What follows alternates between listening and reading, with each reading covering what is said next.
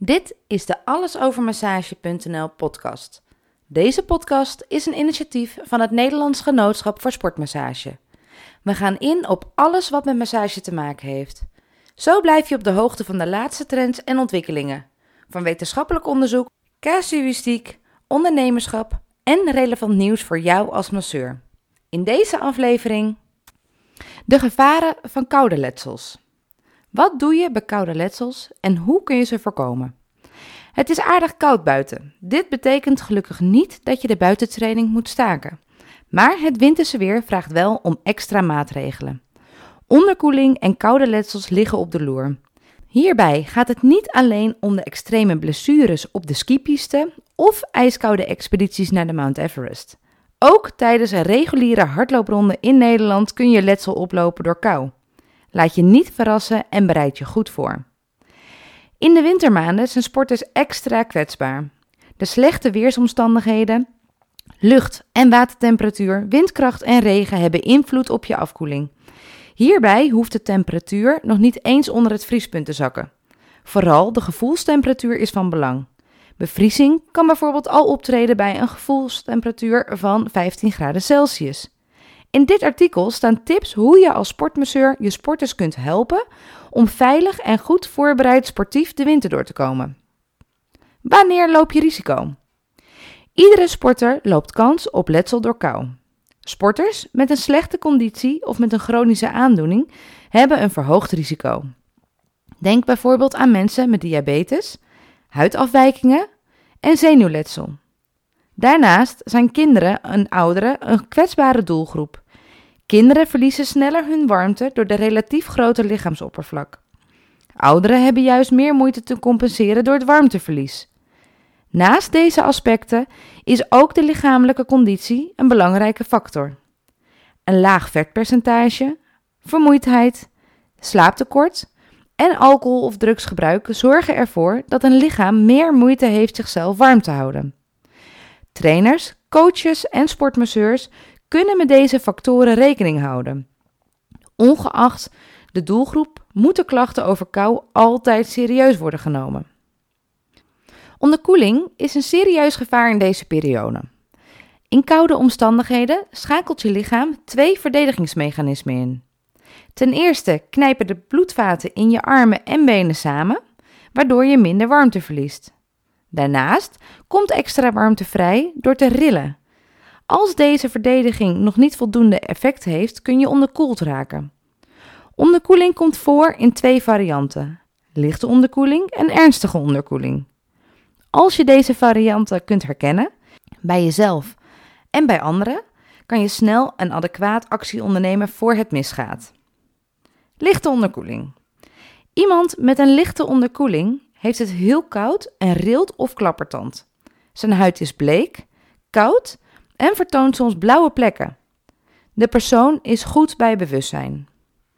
Wat moet je doen bij iemand met een lichte onderkoeling?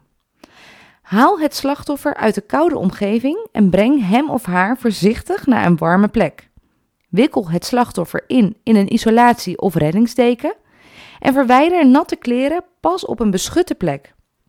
Vergeet het hoofd niet in te pakken. Je mag iemand ook opwarmen onder de douche. Maximaal 38 graden. Met kruiken, met warme deken, warme dranken, geen alcohol of voedsel. Geef een kind iets lauwwarms met veel suiker te drinken, bijvoorbeeld chocolademelk, maar alleen als het slachtoffer niet misselijk is. Ernstige onderkoeling. Het slachtoffer heeft het erg koud. Het rillen en of het klappertanden is gestopt. De huid is bleek en koud en kan blauwe plekken vertonen. De oren, lippen, vingers en tenen kunnen blauw zijn.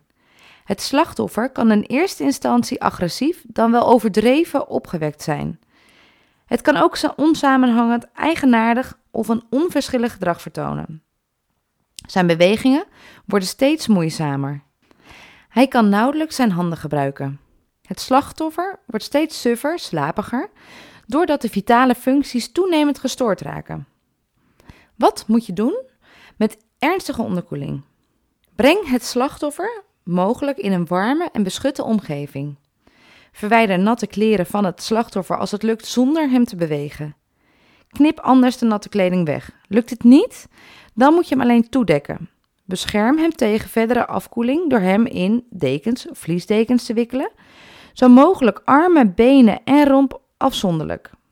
Beperk warmteverlies ook door afscherming tegen de wind en het beperken van verdamping. Bijvoorbeeld door het slachtoffer toe te dekken met plastic en het hoofd zorgvuldig in te pakken. Zorg ervoor dat het gezicht vrij blijft. Warm hem niet actief op en reanimeer indien nodig. Geef het slachtoffer niet te drinken als hij suf of bewusteloos is. Naast de genoemde varianten van onderkoeling kan kou ook ander letsel veroorzaken. Hoe ernstig deze zijn hangt af van de temperatuur en hoe lang iemand aan de temperatuur is blootgesteld. Enkele voorbeelden hiervan zijn bevriezing, wintertenen en handen, inspanningsastma en ongelukken. Bevriezing. Bevriezing kan zowel langzaam als acuut optreden. Bevriezing geeft pijn, gevolgd door gevoelloosheid. Na opwarming ontstaat een hevige, brandende pijn en toegenomen gevoelheid voor aanraking en kou. Behandeling van een verdenking op bevriezing of bevriezing vindt plaats in het ziekenhuis. Wintertenen en winterhanden. Dit zijn huidafwijkingen die ontstaan door de combinatie van kou en vocht. De kou kan zorgen voor een pijnlijke en gevoelige huid. Bij het opwarmen is er sprake van een rode zwelling met een brandend gevoel. Dit kan enkele uren duren. Het vraagt wat geduld, maar wintertenen en winterhanden gaan vanzelf weer over. Om het niet zo ver te laten komen, kun je zorgen voor droge en warme kleding. De termen wintertenen en winterhanden zijn enigszins misleidend. Dit letsel kan ook voorkomen bij andere lichaamsdelen. Inspanningsastma. De adem kan je letterlijk worden ontnomen. Koude, droge lucht veroorzaakt dan een vorm van inspanningsastma. Dit kan, afhankelijk van de oorzaak, worden behandeld met medicijnen. Ongelukken. We weten nu dat kou voor serieuze problemen kan zorgen. Maar daarnaast is ook de omgeving een belangrijke factor. Zo gebeuren de meeste ongelukken bijvoorbeeld op besneeuwde banen. De baan kan spekglad worden en door de sneeuw zijn randjes soms niet goed zichtbaar. Het is een cliché, maar een goede voorbereiding is het halve werk. Kleding is hier een bepalende factor. Kleding tegen kou moet zowel warmte bieden als functioneel zijn. Daarom bestaat een ideale sportuitfit uit minimaal drie lagen. De eerste en tweede laag bestaan uit lichtgewicht polyester of polypropyleen en vlies of wollen kleding met een isolerende functie. Thermisch ondergoed is een goede optie. De derde laag houdt het weer buiten en voert vocht af. Deze derde laag gebruik je alleen tijdens een rustpauze of bij wind en regen. Vervang kleding bij langdurige inspanning op gezette tijden. Zo voorkom je dat de kleding zijn functie verliest doordat het veel zweet of vocht heeft opgenomen. Lekker warm ingepakt? Denk dan ook aan je hoofd. Houd deze warm met een bandana of een hoofdband. Voor de lichaamsdelen die je niet bedekt, zijn er andere opties. Een zonnebril tegen de reflecterende zon, handschoenen en laagje vaseline bij harde kou en wind door de huid die nog niet bedekt is, zoals wangen, neus, voorhoofd en kin. Tot slot bestaat voor de heren de aloude tip: doe een maandverbandje in je broek om een ander gevoelig lichaamsdeel te beschermen tegen de kou. Als de training afgelopen is, is het belangrijk om zo snel mogelijk warme kleren aan te trekken en het hoofd warm te houden. Ook schoeisel verdient extra aandacht. Schoenen moeten voldoende grip hebben om valpartijen te voorkomen. Om droge voeten te houden kun je schoenen aantrekken met bekleding waarvan de stiknaden worden gelast. Deze bekleding is volledig waterdicht en winddicht. Er bestaan ook schoenverwarmers. Een nachtje aan het stopcontact is een ideale manier om schoenen helemaal droog te krijgen. Ouderwetse krantenproppen zijn overigens ook nog steeds functioneel. Een goede voeding is een onmiskenbaar onderdeel van de voorbereiding, maar ook van de nazorg. In een koude omgeving verbruik je meer energie om je lichaam warm te houden. Een tekort aan koolhydraten is zowel voor de warmtevoorziening als voor de training funest.